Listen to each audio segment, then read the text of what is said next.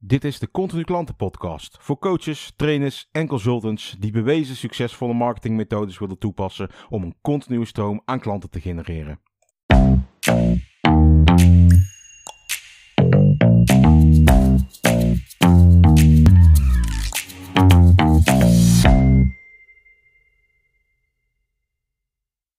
Leuk dat je weer luistert naar een nieuwe podcast. Uh, ik ben Wesley van Eindhoven en je luistert naar de podcast van Continu Klanten. Maar dat wist je al natuurlijk, want je hebt de intro waarschijnlijk ook beluisterd. En uh, waar ik vandaag met je over wil hebben is het uh, volgende. Um, ik kom zelf uit Den Bosch. Tenminste, ik woon sinds een aantal jaar in Rosmalen. Maar ik ben geboren en getogen in uh.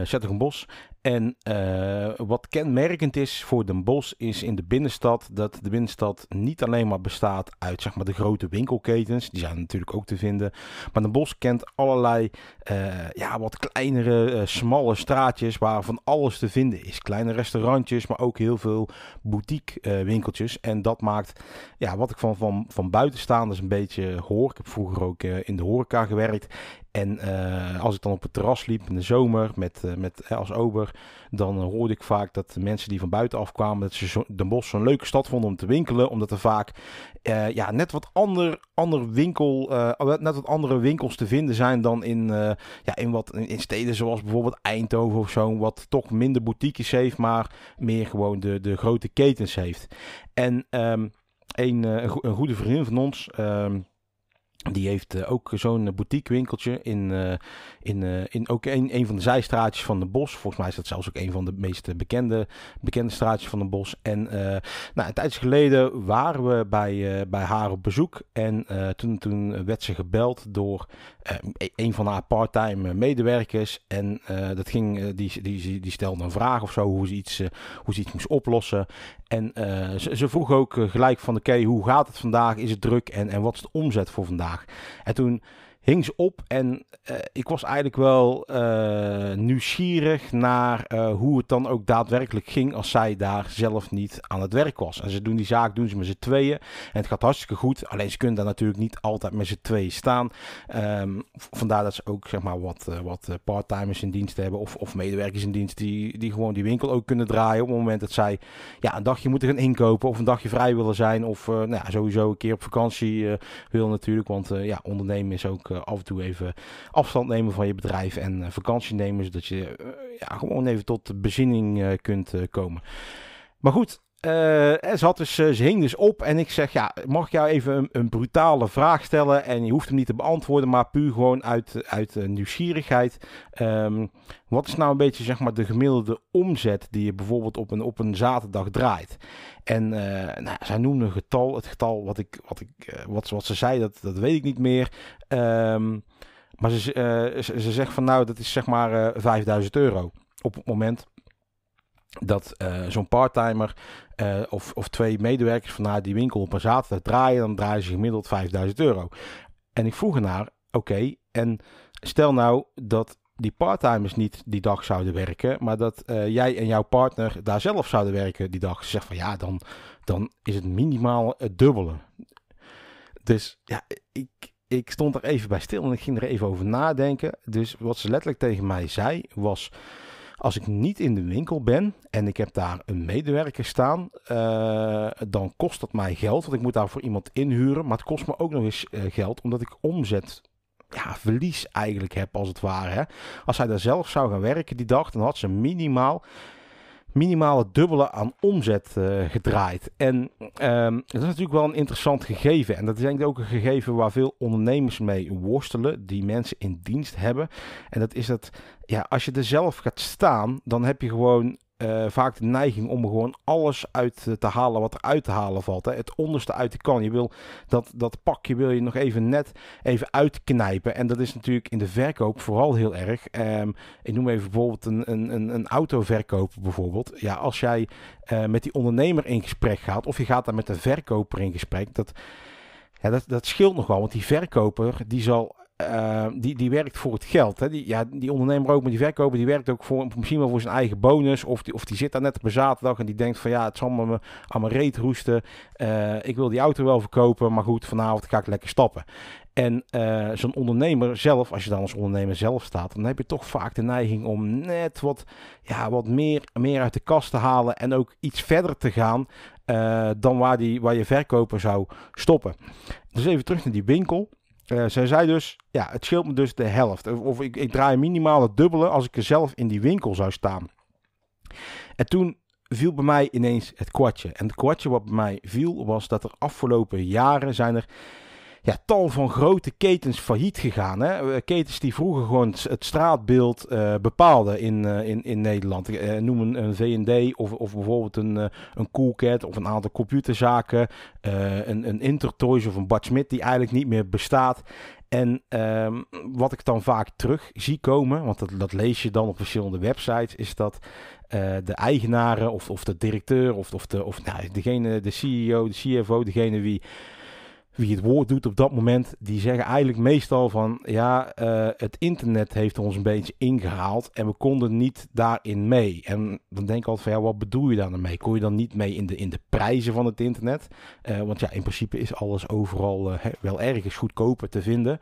Um, of kon je niet mee in de leveringen? Of, of wat was het dan aan het internet waar je, waar je niet meer mee kon? En ik vind het best wel een grappig gegeven. Want ja, het internet, dat is niet, niet zomaar zo van uh, iets wat je de schuld kan geven. Of een soort fenomeen wat er ineens was. Nee, het internet is in de loop der jaren gewoon uh, gegroeid. En het, en het internet, dat zorgt ervoor dat mensen ja, ontzettend veel uh, kansen en veel mogelijkheden hebben. En als het internet jou heeft ingehaald, als het ware, dan betekent dat niet dat, uh, dat, dat ontwikkelingen sneller zijn gegaan dan dat je bij kon houden. Nee, eigenlijk heb je het gewoon even laten gebeuren. Je hebt het gewoon laten gebeuren. En je hebt bijvoorbeeld, uh, als je kijkt naar vroeger, en dan bedoel ik zeg maar, met vroeger bedoel ik dan, laten we zeggen, een jaar of misschien zelfs nog wel tien, nou laten we zeggen 15 jaar geleden, dat kende iedereen wel, tenminste de meeste mensen die ik in mijn omgeving kende, die kregen thuis dan die, die dikke boeken van de, van de, van de Neckerman of van de Weekamp of van de, um, noem het eens, de, de, de Otto. En uh, dat waren gewoon van die bestelboeken, hè. daar stond dan de mannenkleding in en de vrouwenkleding en computerproducten stonden er in een audioproduct en je kon er een televisie kopen en schoenen en, en, en uh, ja, je kon er eigenlijk alles kopen. Het was gewoon een warenhuis in een boek. Een warenhuis in een boek. En dat zie je nu helemaal niet meer. Want het is natuurlijk ook niet meer relevant om mensen van die dikke boekwerken te sturen. Maar eh, ik geloof dat Neckerman um, alleen nog maar vakanties doet. En ik geloof dat Otto niet meer bestaat. Maar dat weet ik niet zeker. En de Weekamp, ja, die bestaat op dit moment nog wel. Maar volgens mij hebben die het ook heel erg lastig. En waarom hebben die het lastig? Omdat die zich hebben in laten halen door bijvoorbeeld een, een bol.com. Een bol.com, een bedrijf dat, laten we zeggen, 20 jaar geleden nog niet bestond maar nu gewoon de grootste, uh, misschien naast Coolblue en uh, Amazon, een, een, van de grootste online spelers is in Nederland. En ja, die, zijn gewoon, die hebben gewoon vol ingezet op het internet en, en de kansen die het te bieden heeft. En die zijn daar dus gewoon mee aan de slag gegaan.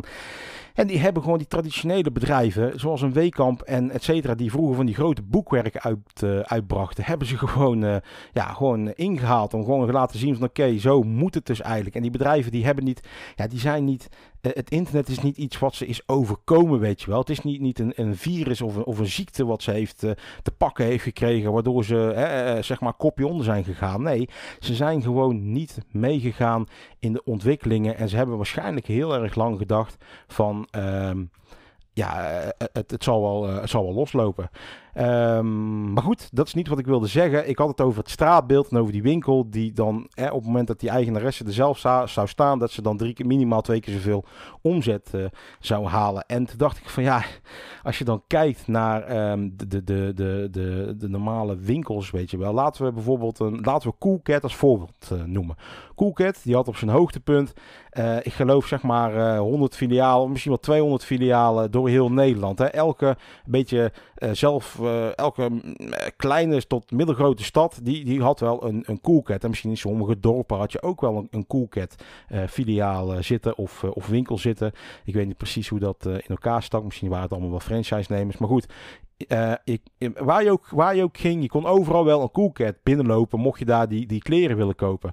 En ehm, wat is nou het geval? Zo'n uh, Coolcat, zo'n zo'n zaak, die werkt gewoon, ja, waarschijnlijk gewoon voor 80, 90 procent met allemaal part-timers of part-timers of in ieder geval medewerkers die gewoon uh, betaald krijgen, die misschien wel niet zo heel veel feeling hebben met het bedrijf en uh, gewoon denken van nou, ik sta hier gewoon om mijn geld te verdienen en aan het eind van de dag ga ik weer naar huis. En uh, dan heb ik mijn geld verdiend en dan kan ik vanavond uh, lekker uit eten of ik kan vanavond lekker gaan stappen of, uh, of op de bank liggen, Netflix. En dan maakt het in principe niet zoveel uit. maar het verschil is gewoon dat op het moment zeg maar, dat zo'n Coolcat filiaal dus alleen maar bemand zou worden of bemenst zou worden door, door alleen maar ondernemers. Ehm, dan zou je zo'n toko waarschijnlijk dus misschien wel twee tot drie keer zoveel omzet op een dag kunnen maken. Maar dat doen ze niet, omdat er toen de tijd alleen maar medewerkers in stonden. die waarschijnlijk niet die feeling hadden. of niet die, uh, die, die, die intrinsieke motivatie hadden. om het maximale uit hun dag te halen. En ga maar eens na voor jezelf. als je een gemiddelde schoenenzaak of een gemiddelde kledingzaak binnenloopt. van wanneer is nou echt iemand je aan het helpen? En, of wanneer zeggen ze. Um, ja, eh, eh, ik vind altijd een mooi voorbeeld van die, van die zaken van, eh, van vroeger. Ik kom niet meer zo vaak in, in kledingzaken, want ik houd totaal niet van winkelen. Is wat je ook aantrok, die medewerker of die medewerker, die zei altijd van... Ja, staat mooi hoor. Ja, ja, staat mooi. Staat goed. Ja, ja, ik zou het doen. Ja, maar dan uiteindelijk kom je er daar niet mee, weet je wel. Je moet juist gewoon echt als een, als een ondernemer denken om te kijken van... oké, hoe kan ik nu het maximale uit die klant halen? Niet verkoperig overkomen en, en, en uh, wel commercieel denken, maar ook wel die persoon echt willen helpen. En dat, en dat gaat dan met, oké, met, met de goed, uh, goed uitvragen van wat die persoon nodig heeft, tot uh, zeg maar um, wellicht een extra product kopen wat die persoon, waar die persoon nog niet aan gedacht heeft. En een mooi voorbeeld is daarvan zeg maar de schoenenwinkel, die dan, um, die verkopen altijd zeg maar bij de balie als je dan schoenen koopt, dan kun je, als, als je een goede verkoper hebt, die, die, die biedt dan zo'n... Um, zo'n zo spuitbus aan, weet je wel, tegen water of, te, of zo'n vuilafstotende spuitbus. En wat je eigenlijk moet doen is, op het moment dat iemand die schoenen koopt, moet die spuitbus eigenlijk al half in de tas zitten. Weet je wel, van oké, eh, ja, je koopt die schoenen, die kosten uh, 80 euro, of die kosten 100 euro, of die kosten 30 euro wat mij betreft. Dat maakt helemaal geen reet uit. Maar die spuitbus, die heb je nodig. Want anders, anders zijn je schoenen volgende week vies. En dat is zonde, want je hebt net zoveel geld uitgegeven aan die schoenen, dus je wilde wel lang van kunnen genieten, toch? Ja, dan heb je zo'n spuitbus nodig. Is nu een tientje. En uh, nou, weet je wat zou ik erbij doen? Ja, is goed, doe er maar bij. Maar als je dat dus niet elke keer doet, dan wordt die kans ook kleiner dat iemand dat gaat verkopen. Stel je hebt 100 klanten in de winkel, uh, dus je verkoopt 100 paar schoenen op een dag. Ja, als jij 100 keer uh, aanbiedt om zo'n spuitbus uh, erbij te verkopen, ja, dan is de kans natuurlijk groter dat de mensen met zo'n spuitbus ook daadwerkelijk naar buiten gaan, dan dat je 100 keer niet aanbiedt om die spuitbus erbij te verkopen. En dat is gewoon het verschil wat die vriendin van ons al aangaf op het moment dat zij dus um, uh, zelf in die winkel staat, dan ze minimaal het dubbele aan omzet.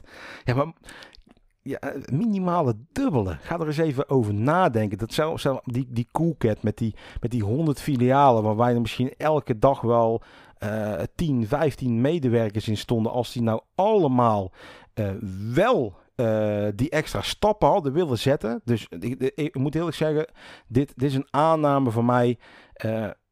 Niet helemaal, maar eh, wel een beetje uit ervaring. en de aanname is dat, dat mensen die in, in, in, die in loondienst zijn, of die vooral de parttimers, en, en vooral bij zo'n winkel als Coolcats, een beetje toch zo'n hippe kledingzaak voor een bepaalde uh, jongeren, voor een bepaalde doelgroep, uh, jongere doelgroep. Ja, daar werkt ook een bepaalde doelgroep. En uh, dat zijn niet altijd, denk ik, de, de doelgroep die ook zeg maar tot het gaatje wil gaan om, uh, om, om, om de verkoop eruit te halen. Of, of om mensen echt te helpen. Ik, ik, ik kan me voorstellen dat dat meer de mensen zijn die denken van uh, uh, ja, ja, het staat mooi en die broek, ja, die hebben we. Ja, ik zal even achter voor je kijken. Ja, wil je hem? Nee, oké. Nou, een hele fijne dag nog. Terwijl als je een ondernemer bent, dan ga je kijken van oké, maar zoek je dan iets anders? Waar ben je precies naar het zoeken? Waar is het voor, weet je wel? Oh, hé, heb je dit al gezien? Of we kunnen hier eens even kijken. Of hey, wat dacht je ervan van dat ene uh, shirtje waar die broek die staat er eigenlijk ook wel heel mooi bij. et cetera, et cetera. Maar dat is wel het verschil tussen, tussen winnen en verliezen. Tussen een succesvol bedrijf en een stressvol bedrijf. Tussen wel omzet maken en geen omzet maken. En tussen winst en verlies. En tussen dus blijven bestaan of uiteindelijk uh, het uh, faillissement aan moeten vragen.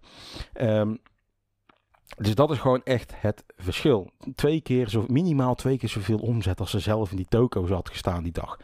En als je dan gaat doorkijken naar de Intertoys van deze wereld en de V&D's en de, en de Coolcat en ja, noem het maar op van al die bedrijven die het lastig hebben of die het moeilijk hebben en van die bedrijven die de afgelopen jaren failliet zijn gegaan door zogenaamd het internet wat ze heeft ingehaald. Ja, dat is misschien een, voor een gedeelte waar, maar wat ook voor een gedeelte waar is, is dat je gewoon waarschijnlijk dat ze de medewerkers niet zo ver hebben gekregen om echt passie te krijgen voor hun vak en echt, en echt tot het gaatje te willen gaan voor het succes van hun bedrijf, maar meer daar hebben gestaan voor hun, voor hun loon en dat ze gewoon een beetje, uh, ja, bij wijze spreken, een beetje dagbesteding hadden. Dus uh, als, ik, als ik je dan een, een, een, een advies mag geven, zou ik zeggen van oké, okay, als je medewerkers in dienst hebt, ga met die medewerkers in gesprek. Ga kijken wat ze echt willen. Want geld, geld is maar een kleine motivator. Het is uit onderzoek, uit verschillende onderzoeken is zelfs gebleken dat als jij um, iemand loonsverhoging geeft als bij wijze van spreken als een, uh, als een aanmoediging om harder te gaan werken of, of, of om tevredenheid